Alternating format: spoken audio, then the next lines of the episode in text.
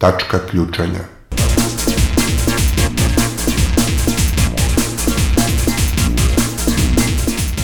Podcast o protestima.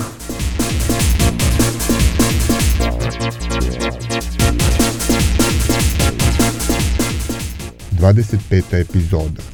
10. mart 2020.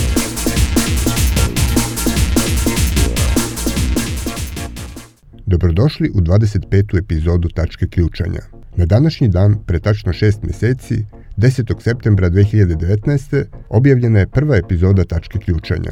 Ovaj mini jubilej obeležavamo u znaku Dana žena, koji je ove godine pao u nedelju, pa će ova epizoda biti tematski obeležena ovim datumom. A na početku epizode, po običaju, čućemo vesti tačke ključanja. Penzionerka PKB-a Rajka Meljnik započela je štrajk glađu ispred kabineta predsjednika Srbije, a ostali nezadovoljni penzioneri i bivši radnici PKB-a blokirali su saobraćaj ispred Privrednog suda u Masarikovoj ulici, nezadovoljni zbog toga što država odbija da im isplati nadoknadu po osnovu akcija posle prodaje tog kombinata. Inicijativa Vratimo trolu 28 ocenila je da su na sastanku sa gradskim sekretarom za javni prevoz Jovicom Vasiljevićem približeni stavovi dve strane po pitanju zahteva da se trolejbuska linija 28 vrati u sistem javnog gradskog saobraćaja. Grupa građana koja se predstavila kao napredna budućnost organizovala je u Republičkoj izbornoj komisiji performans navodne predaje izborne liste i 10.000 potpisa, čemu je prisustovao celokupni RIK. Lista sadrži satiričke predloge visokih funkcionera Srpske napredne stranke kao kandidata za ministre izmišljenih resora.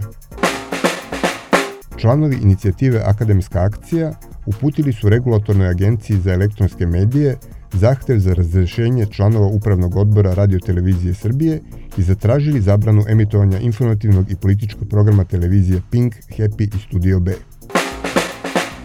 U Kragujevcu je održan još jedan protest jedan od 5 miliona, koji je bio u znaku humanitarne akcije prikupljanja novčane pomoći za dečaka Dimitrija koji je nepokretan zbog upale kičmene moždine. Protest je održan u totalnom mraku jer na Đačkom trgu i oko njega ulična rasveta nije radila.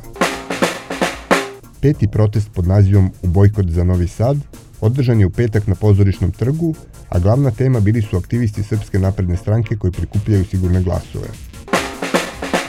Okupljanje oštećenih i nezadovoljnih radnika koje je sredinom februara na protestu obućara i ratnih veterana u Vranju najavljeno za 10. mart, podržat će i oko 80 bivših radnika fabrike Simpo Tepih iz Donjeg Stajevca kod trgovišta, kojima firma duguje za ostale plate. Branitelji parkića na Banovom brdu, koji već 8 meseci sprečavaju početak građevinskih radova na zelenoj površini iza njihovih zgrada, organizovali su još jedan ulični protest i blokadu Požeške ulice, ovaj put u formi maskembala i karnevalske povorke superheroja iz pop kulture. Protest protiv migranata i izbeglica, na koji je pozvalo nekoliko desničarskih udruženja, završen je u nedelju uveče protestnom šetnjom do Savamale, koju su organizatori nazvali masovnom narodnom patrolom. U ovom protestu je učestvovalo oko 600 demonstranata, među kojima su bili i učesnici nedavnih samozvanih patrola koje su presretale migrante u Beogradu i pretile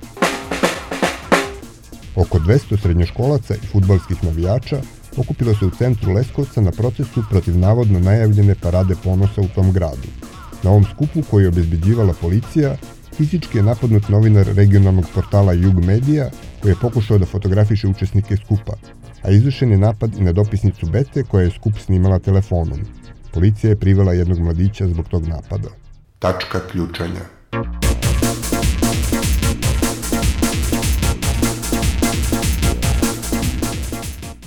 Na sam 8. mart žene u crnom su, zajedno sa drugim aktivistkinjama ženskog pokreta, na Beogradskom trgu Republike organizovale performans protiv nasilja nad ženama.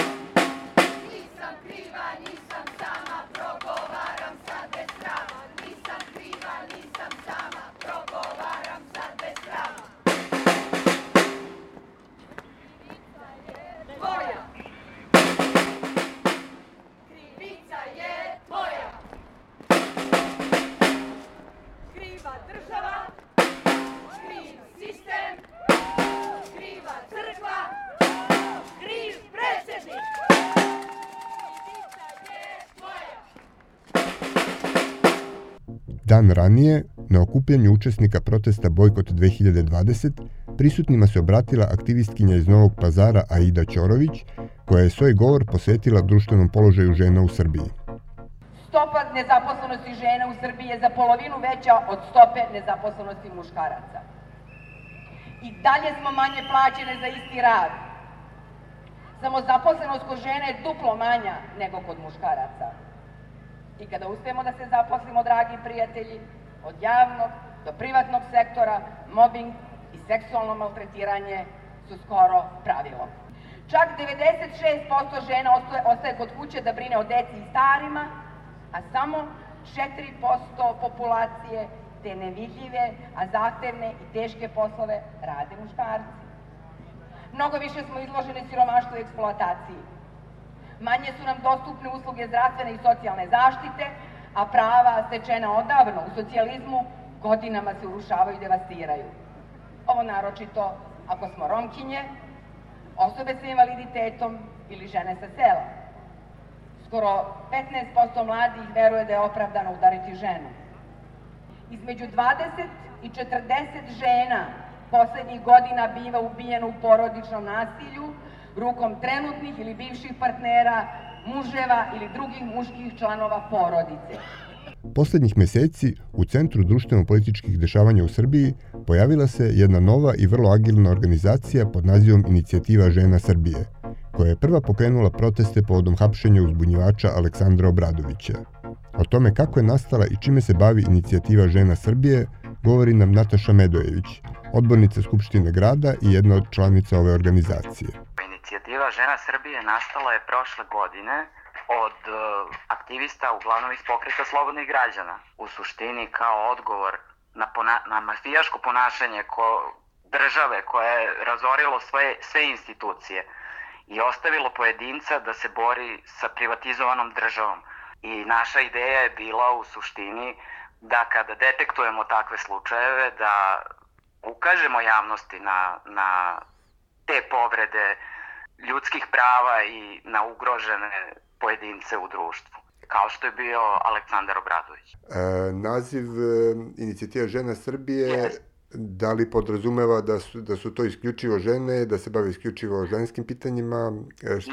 Ne, naravno onaj kad zove da se ne bavimo isključivo ženskim pitanjima i naravno da su dobro došli svi muški aktivisti zato što naša organizacija onaj, ima za cilj da zaštiti u stvari da ukaže na kršenje prava građana i da onoliko koliko je u našoj moći pomognemo svim građanima Srbije da ostvare svoje prava. Mislimo da, da te da, da građane kojima su prava ugrožena, a za koje javnost ne zna, jedino uh, snaga javnosti može da zaštiti. Znači... I imamo mi mnoštvo malih akcija koje, koje, koje da, koje nisu prigodne za reklamu, zato što su više dobrotvornog karaktera kako neko ko je zainteresovan da, da vam se priključi, kako može da vas kontaktira?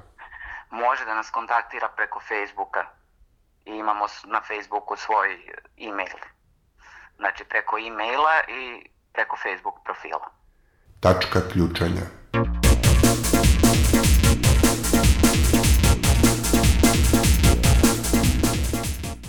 Centralni deo ove epizode posvetili smo mini anketi koju smo sproveli među nekoliko aktivistkinja koje su se u poslednje vreme istakle na domaćoj javnoj sceni. Svaku od njih smo pitali čime se sada bave i šta ima novo u oblasti kojom se bave kao aktivistkinje i organizatorke protesta. Takođe, pitali smo ih kada i kako su počele da dižu svoj glas i bave se organizovanjem protesta i učešćem u njima a pitali smo ih i da li, prema njihovom iskustvu, postoji razlika u odnosu javnosti prema organizatorima protesta u zavisnosti od toga kog su pola. Prvo ćemo čuti Teodoru Budimir, studentkinju sa Zvezdare koja je pokrenula akciju za vraćanje ukinute trolejbuske linije broj 28.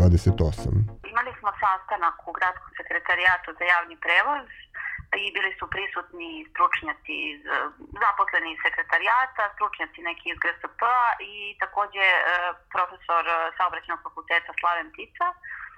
Međutim, nismo mi na tim sastancima nismo došli do nekog konačnog rešenja, mada eto, mogu da kažem da je prilično pozitivno što su nas uopšte pozvali i što smo stali s njima za sto i imali kakav takav dijalog o pitanjima javnog prevoza, jer smatramo da građani apsolutno treba da učestvuju u, u, u prosto planiranju linija, ukidanju ili izmeštanju i da treba da se uvaže naše potrebe kad se kreiraju te transportne politike.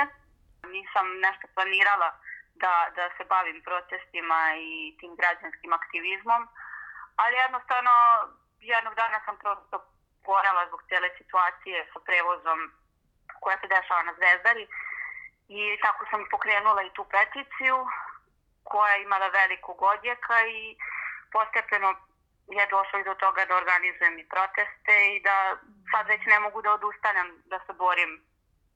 Jednostavno imam preveliku odgovornost prema svim ljudima koji me podržavaju.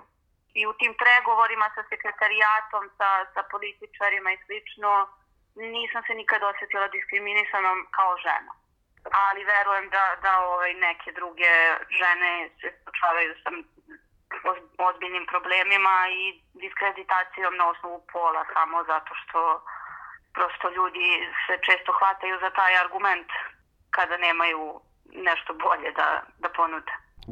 Posle Teodore Budimir, svoj trenutni angažman i dosadašnje iskustvo predstavit će nam Zoe Gudović, istaknuta aktivistkinja za prava žena baš u ponedeljak otvaram tu jednu samostalnu izložbu koja se zove uh, Zadrlje SZZ i tu stvari pravim tu uh, unutrašnju borbu među muškarci i žene, poziciju u kojoj sam ja nekako vrlo jasno kao borkinja za ženska ljudska prava i lesbijska prava i glasnogovornica. Ja sam već nekih 22 godine u feminističkom pokretu, otvaram polje umetnosti, feminističke umetnosti na javnom prostoru, ali i ovo polje ekonomije, znači polje uh, odgovornosti za um, javni novac žene nekako uh, su inhibirane i uh, pre, predale su nekako ili, im je, ili nam je oduzeto uh, to uh, polje nekako moći, kontrole ili bilo čega što je prosto sastavni deo nekog funkcionisanja u ovom tekako surovom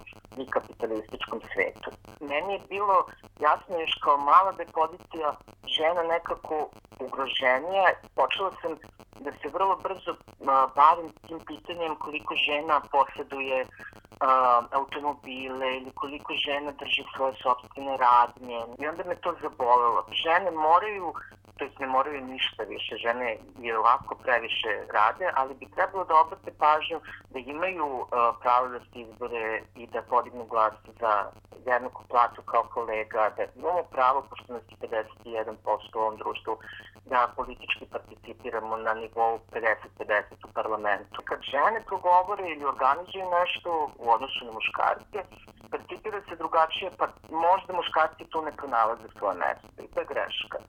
Jer ja mislim da svi ovi protesti koji su građanske prirode, koji uh, za sobom nose život, je jako važno da uključe sve akterke i akteri društva. Iva Marković iz ekološke inicijative Pravo na vodu govori nam o svom radu i iskustvima. Upravo sam se vratila sa puta, uh, obilazim meštane u okolini Kraljeva, Um, u okviru prava na vodu ove godine ćemo se baviti i kampanjom Spasimo plavo srce Evrope uh, i fokusirat ćemo se na taj deo oko Kraljeva, na uh, Goliju i Goč. Ja sam sa nepunih 13 godina krenula da idem na proteste uh, 90-ih i onda se to nekako nastavilo dalje. Uvek sam bila zainteresovana za a, društvene probleme, e, međutim mnogo više me privlačilo šta se dešava sa životnom sredinom, odnosno sa, sa onim delom naše naše realnosti koje nema glas. E, priroda, životinje, biljke nemaju taj glas. Svaka žena u javnosti je izložena e, i kritikama, ali i pretnjama i ružnim rečima. Ono što je još karakteristično jeste da se vrlo često nađe muškarci da vam objasne kako u stvari to treba da se radi, iako možda ne znaju, nemaju, imaju manje iskustva ili ne znaju dovoljno o datoj temi, ali ovaj, uvek ćete imati one koje vam prilaze i samo zato što ste žena misle da mogu nekih pola sata vašeg života da vam objasne čvrst stisak ruke je nešto što, što na njih ostavlja utisak koliko god banalno bilo. Ne smete pokazati ni jednog trenutka strah i, i, i neku snebivljivost u odnosu na, na bilo koga od njih i, i na taj način stičete poštovanje i poverenje. Tačka ključanja.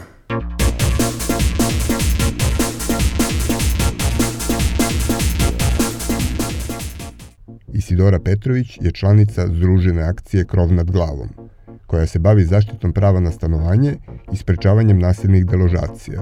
Evo šta nam je ona rekla o svom radu. Um, u poslednje vreme se u medijskoj grupi zajedno sa drugim ljudima iz Krova nad glavom radim na društvenim mrežama.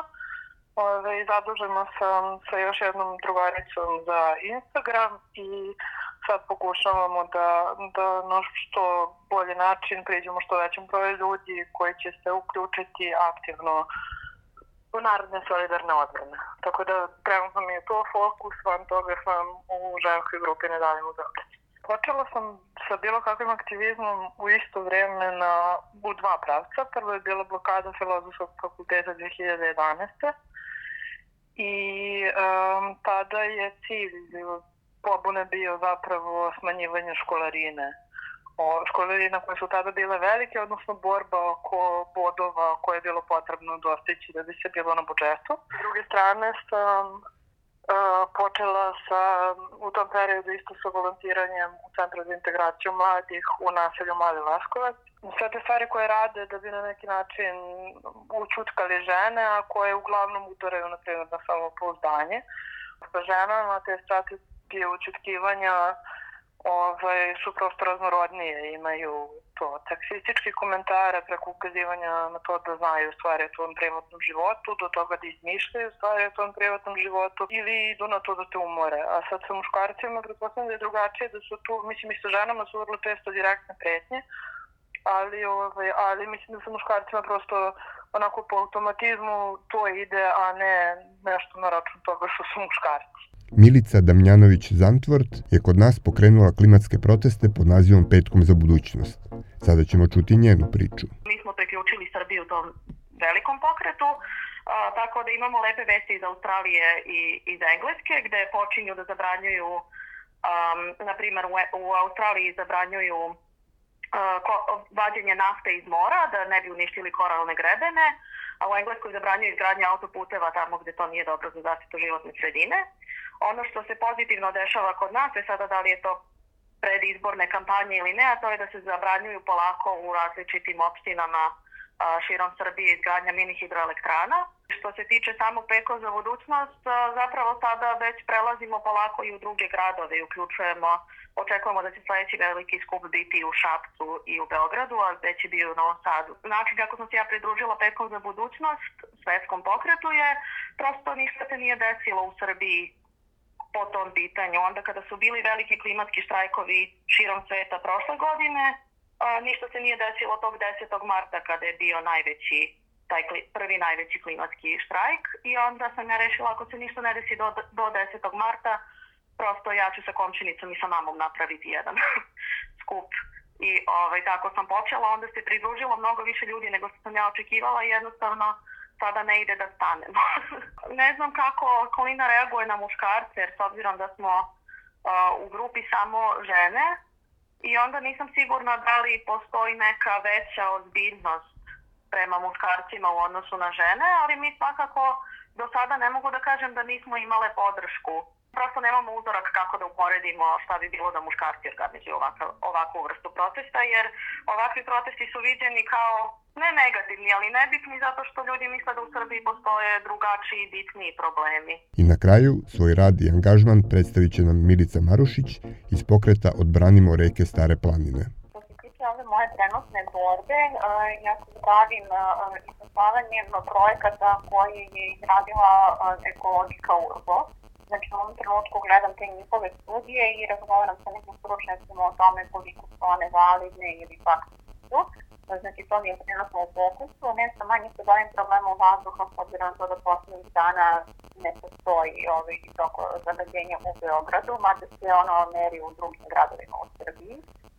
um, čekam da mi dođe nekakav odgovor iz ministarstava, zato što sam ja na adresu pet ministarstava poslala skeniranu ovaj, tehnički protiv zagađenja sa nekim merama konkretnim koje smo mi predvozili. Postoji mnogo žarišta u različitim gradovima i sve više nekih lokalnih zajednica se podiglo i organizovalo i prosto sad više ta borba ide iz svojim tokom. A po prosto ja sam se odlučila kako što sam videla poziv na Facebook grupu od strane jednog svog kolege upućen i videla sam se grupa zove od Branimo reke. Samo što sam videla da je bila grupa od Branimo reke stvari planine, ali sama ta ideja da neko treba da brani reku iz meni delovala užasno. Prosto se neki alarm aktivirao u meni, ja sam pomislila da je nedopustila da neko dođe u situaciju da mora da brani reku. I to je počelo pre dve godine, nekako sam sve vreme imala tačnu ideju što treba da radim. Sad treba da skupimo potpise, pa sad je vreme da vodimo kampanju protiv banaka, pa sad je vreme da ovaj, se uključimo, da izađemo na ulicu, da aktiviramo ljudi i tako dalje. Ali eto, meni prosto delovalo nedopustivo da prođe kakav problem, a da se ja ne uključim u njegovo rešavanje. Pa pravo da vam kažem, do sada su nama uglavnom organizatori bili muškarci Pa to je ono što se razlikuje. Mislim da i dalje na neki način oni jesu u prvom planu i da je nama nekako možda tako i lakše. Možda je to neka stvar koja je ostala i koja je ukorenjena u našem društvu i te uloge jesu možda i dalje podeljene. I mislim da su i dalje kod nas mnogo češće muškarci ti koji su lideri i oni će biti u prvom planu i mi to nekako i prihvatamo, da tako kažem. Ali zapravo kod nas nisu žene prijavljivale protest, to su bili muškarci tačka ključanja.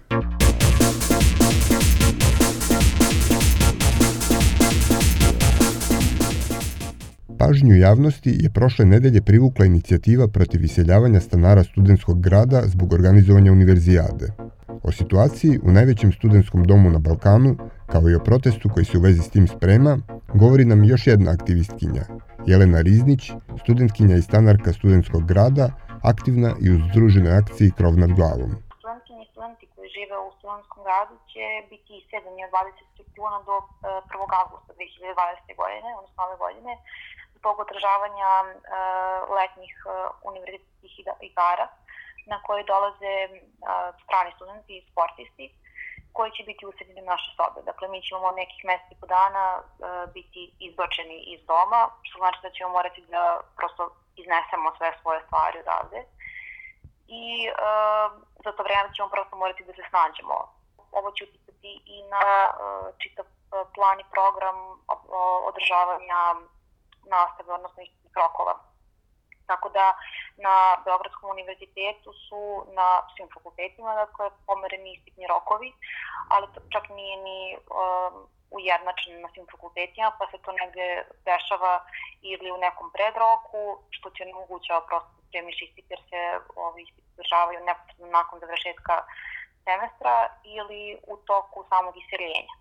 Tako da istovremeno moraš i da uh, izbacuješ svoje stvari i da se snalaziš nekako i da polažeš ispite. Nama je na početku bilo obećano nekako ovaj, nalaženje rešenja u, u vidu alternativnog smeštaja, uh, iako je potpuno jasno da tako nešto nije moguće jer uh, istudenjaka treba da bude iseljen na 4.500 studenta, tako da mi već znamo da ne postoje nikakvi smešteni kapaciteti koji bi mogli da prime taj broj studenta uh, tek tako a sa druge strane čak i da postoji neki alternativni smeštaj, prosto je logičnije da u njega budu smešteni sportisti koji dolaze na te univerzitetske igre nego mi, zato što oni dolaze na dve nedelje i treba da otprilike donesu uh, stvari koje su im potrebne za te dve nedelje, a mi bismo morali da iselimo sve što nam je potrebno za svakodnevni život.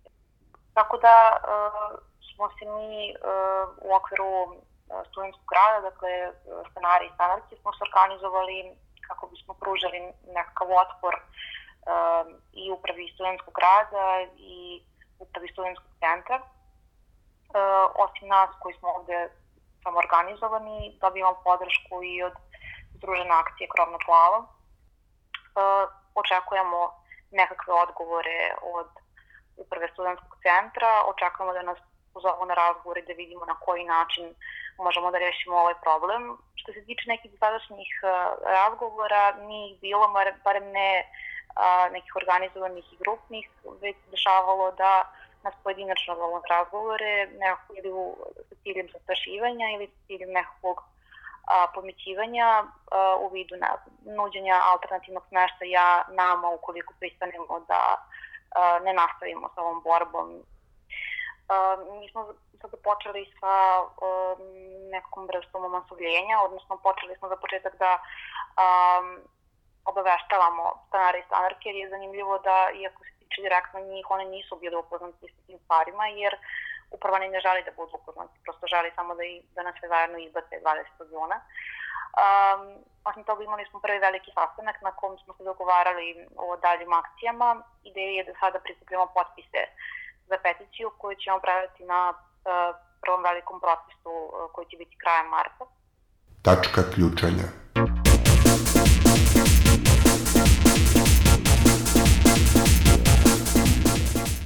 Pokret Slobodna Srbija organizovao je akciju pod nazivom Cinema Boycott Fest, koja je odmah naišla na prilično interesovanje na društvenim mrežama.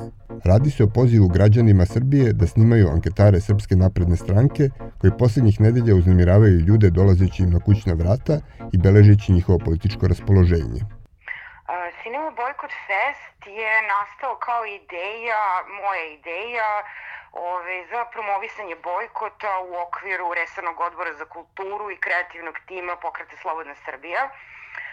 Ono što podrazumeva Cinema Boycott Fest je snimanje uh, znači, sendvičara koji dolaze na vrata, koji rade sve moguće nepravilnosti vezane za njihovu predizbornu kampanju, znači podmićivanje, slanje poruka, ovaj, uh, ono što oni mole ljude da glasaju za njih, da im obezbede sigurne glasove, znači sve to dolazi u obzir, ne samo snimak telefonom nekoga ko dolazi, mislim to je najviše toga bilo i to je super zato što se iz toga vidi da su oni jako uplašeni, da im se ne snimi lice i ove, da se stide jako onoga što rade. Ove, ali to treba raditi proširiti i slati, ove, snimiti kao i sve te, mislim, postoje programi, odnosno aplikacije koje snimaju chat, na primjer, na Viberu ili tako nešto i onda treba snimiti znači tu vrstu ucene od strane poslodavca, prijatelja i tako dalje koji sada trenutno mole sve ljude oko sebe da im daju potpise podrške, sigurne glasove i tako dalje da oni ne bi dobili otkaz oni idu i jednostavno uh, pitaju ljude da li ste za ili protiv Vučića. Mislim, to je jako ovaj, bezobrazno pitanje, mislim i to je zato što po zakonu oni tako nešto ne bi smeli da, da pitaju. Koliko je u stvari e, dosta stiglo tih snimaka i iz kojih sve mesta? A, za sada imamo 13, imamo najviše iz Vojvodine, Znači, Novi Sad, Vršac, Ruma i Vojvođani su jako na njih ljuti i ne žele ih tamo i ove, dosta je stiglo iz Niša, znači iz ta dva glavna grada, kako ja kažem, van Beograda. Što se tiče Cinema Boycott Festa, on će se održati u jednoj od sala na Starom gradu, koja je za sada još uvek slobodna opština, gde će biti prikazani svi ti filmovi i stručni žiri sastavljen od nekoliko reditelja će oceniti videe i pobednik će dobiti nagradu. Neću sad da kažem koju nagradu, a na tom festivalu će biti ovaj, premijerno prikazan i moj igrani film Poslednji dani jednog sendvičara. Ljudi bi trebalo da budu jako slobodni, da ne osjećaju nikakav pritisak, da ne osjećaju strah. Meni je jako žao tih ljudi s jedne strane, zato što oni ne znaju šta je sloboda, a sloboda je imperativ života ko e, poželi da se uključi u akciju, to je da pošalje svoje priloge za e, Boycott Fest, e, kako to može da uradi? Pa može da uradi tako što će poslati Facebook stranici Pokret Slobodna Srbija ili na mail cinema.boykot at gmail.com. Tačka ključanja.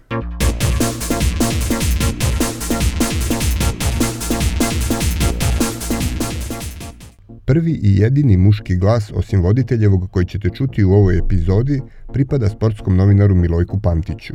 On je bio učesnik programa najnovijeg protesta Bojkot 2020, koji je okončan ispred predsjedništa Srbije futbalskom utakmicom između reprezentacija naroda i državne mafije. U samom protestu je učestvovalo nešto preko 500 ljudi, dakle manje nego sutradan na antimigrantskom protestu. A simboličnu futbalsku utakmicu je komentarisao upravo Milojko Pantić. On je to uradio tako da smo to prosto morali da vam prenesemo. Bata Vasco da Gama od keramike mi isto tako reče da igrači mafije nisu svi Vučići. Tako se recimo jedan Vučić u stvari zove Ivica Đačić Vučić. Drugi je Aleksandar Vulin Vučić. Pa Ljubiša, pardon, Nebojša Stefanov Vučić. Siniša Veliki Vučić. Zvani kompletan idiot. Moj asistent Bata Vasco de Gama od keramike nije razumeo šta ljudi skandiraju. Nije to ono naše pristojno, ma nosi se Vučiću u tri lepe. To je milozvučno kinesko.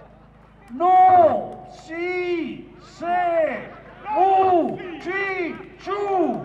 Treba znati da je no, si, se, Vučiću obećao celo jato letećih automobila na poklon, jer on je vlasnik fabrike tih letilica. Sada mi Bata Vasko kaže, Aleksandar Brnabić Vučić i Ante Brnabić Vučić. A zašto njih nema večeras u reprezentaciji mafije? Zato jer je nosi se Vučiću javio da zbog virusa korone nije dozvolio svojim igračima da igraju večera za reprezentaciju mafije. Tačka ključanja.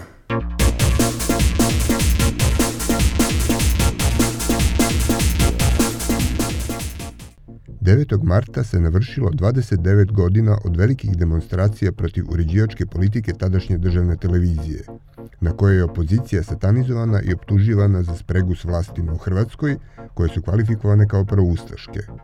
Demonstracije je organizovao Srpski pokret obnove, zajedno s još nekoliko opozicionih stranaka na čelu s Vukom Draškovićem, a ključni zahtev je bio smena rukovodećih ljudi televizije.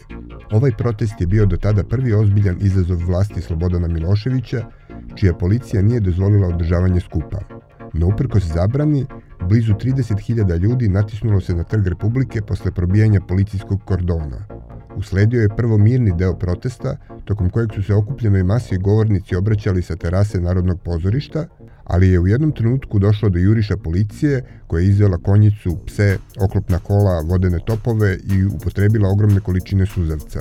Međutim, demonstranti su uzvratili ogorčenim otporom, pa su na ulicama Beograda nastali žestoki sukobi, čiji rezultat je bila ogromna materijalna šteta i dve ljudske žrtve. Koristeći bojevu municiju, policijske snage su ubile jednog tinejdžera, dok su dnevni demonstranti bacili jednog policajca sa platoa ispred Beograđanke. Kao odgovor, Milošević je uz pomoć lojalnih delova vojske uveče izveo tenkove na ulice Beograda, uhapsio Vuka Draškovića i ugasio tadašnje nezavisne medijske kuće Studio B i Radio B92.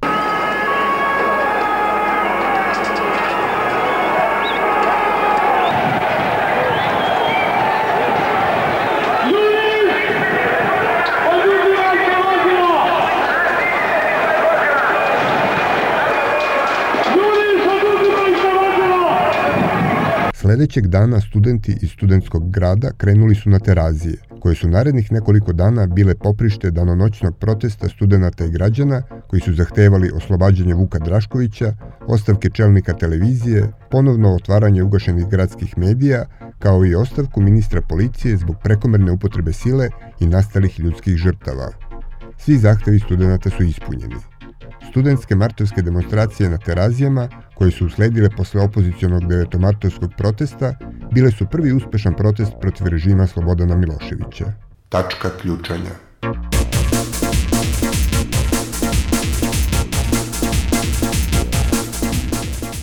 U redovnoj rubrici Moja tačka ključanja, domaća reperka Sajsi MC govori nam šta je to što izaziva njen poseban gnev i revolt. Tačke ključanja su trenutno lokalne, da li se tiču borbe za zelenu površinu, da li se tiču zagađenja vazduha, da li se tiču pitanja porodilja, penzionera. Što se mene lično tiče tačka ključanja, ovaj, su sve ove zadnje godina neke pojave od toga kako institucije reaguju ili ne reaguju na ponašanje jutke, kada su ovi novinari zapalili kuću, kada su počeli masovno ljude da izbacuju na ulicu, nije normalno da, da se živi u, u državi u kojoj apsolutno ne možeš po poverenja ni u jednu instituciju, niti što se tiče zdravstvene institucije, niti što se tiče pravnog sistema. Predlog za lek može biti univerzalan i to se uvijek tiče toga da je u edukaciji spas. I to što više znaš, to ćeš biti, biti više kao nezavisan od, od svih drugih. Bilo je to sve o dešavanjima u Srbiji, a sad ćemo čuti šta se dešavalo u bližem i daljem okruženju. Prošle nedelje stalno prisutna vruća tema u regionu bili su protesti u Crnoj Gori zbog zakona o slobodi veroispovesti. Posle upozorenja patrijarha Srpske pravoslavne crkve Irineja o mogućnosti krvoprolića u Crnoj Gori, oglasili su se premijer Tuško Marković i ministar policije Mevludin Nuhođić koji su negirali takvu mogućnost. Umeđu vremenu su i vlada Crne Gore i mitropolija Cetinsko-Primorska formirali ekspertske timove za pregovore o prevazilaženju nastale krize. Policija iz bezbednostnih razloga ponovo nije dozvolila održavanje protestne litije na Cetinju. Ombudsmanka za prava deteta Snežana Mijušković izrazila je zabrinutost zbog moguće zloupotrebe dece na aktualnim protestima u Crnoj Gori i založila se za maksimalnu brigu o njihovoj bezbednosti. Podršku demonstrantima dao je i najbolji teniser sveta Novak Đoković. 8. mart obeležen je prigodnim skupovima i protestima u celom svetu, posebno u Aziji i Latinskoj Americi, iako su neki planirani događaji otkazani zbog epidemije koronavirusa. U Pakistanu je protest žena održan uprkos ozbiljnim pretnjama konzervativnih krugova. U Kirgistanu je uhapšeno više aktivistkinja nakon napada maskiranih muškaraca na protestni skup. U sukobima s policijom koji su izbili na protestima u Meksiku povređeno je više od 60 osoba.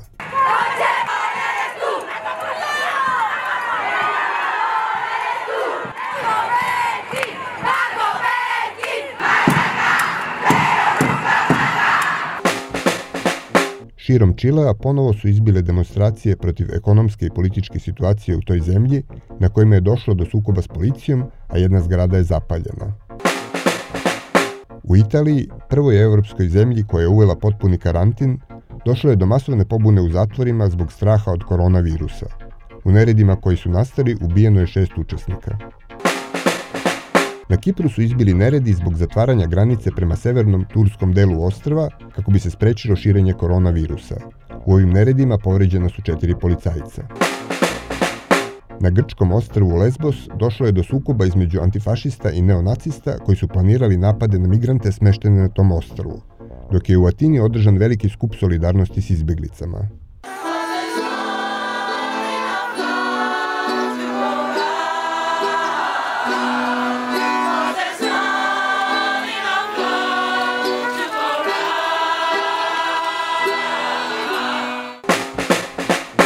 Ruski predsjednik Vladimir Putin upozorio je učesnike budućih protesta u Rusiji koji ne budu dobili odobrenje policije za održavanje, da će biti uhapšeni i podvrgnuti brijanju glave u zatvoru. Greta Thunberg učestvovala je u klimatskom protestu mladih u Briselu i obratila se učesnicima sastanka Europske unije posvećenom Europskom sporazumu o klimi, rekavši da taj dokument predstavlja odstupanje i odustajanje od proklamovanih ciljeva. Stotinak zaposlenih u izdavačkoj kući Hachette Book Group protestovalo je protiv najavljenog objavljivanja memoara poznatog glumca i reditelja Woodya Allena, optuženog za seksualno zostavljanje čerke Dylan, zbog čega je ova izdavačka kuća odustala od objavljivanja Allenovih memoara. Ovo je bilo sve u 25. epizodi Tačke ključanja. Čujemo se ponovo 17. marta, a do tada živeli i uzdravlje. Tačka ključanja.